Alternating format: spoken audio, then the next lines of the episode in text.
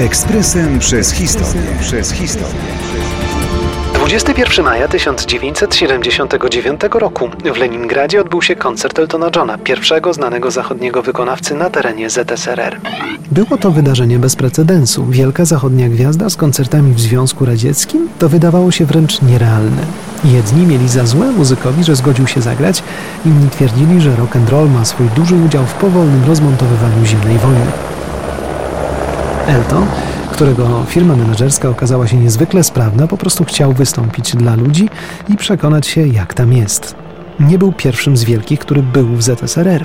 Kilka lat wcześniej legendarną dziś podróż koleją transsyberyjską odbył David Bowie, ale wynikało to jedynie ze strachu przed lataniem, a nie z chęci zagrania koncertu.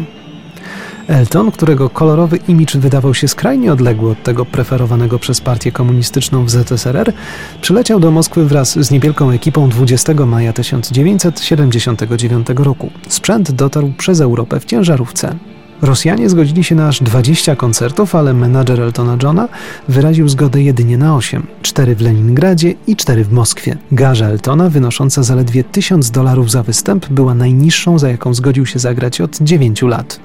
Sam wystrój sceny był niezwykle skromny jak na Eltona. Punktem centralnym był fortepian.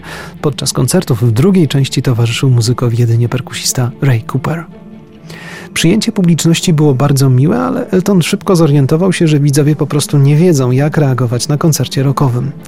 Dodatkowo pierwsze rzędy były wykupione dla rodzin przedstawicieli partii, a prawdziwi fani siedzieli z tyłu. Bilet nie był zbyt drogi, kosztował 8 rubli, co stanowiło średni dzienny zarobek mieszkańca Leningradu czy Moskwy. Zainteresowanie biletami było więc ogromne. Ostatni z koncertów moskiewskich, zagrany 28 maja, był co ciekawe transmitowany na żywo przez BBC. Udało się to dzięki pierwszemu w historii połączeniu satelitarnemu wykorzystującemu współpracę ZSRR z Zachodem.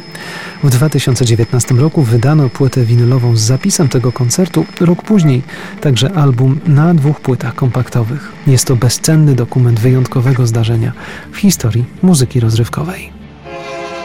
Ekspresem przez historię. Przez historię.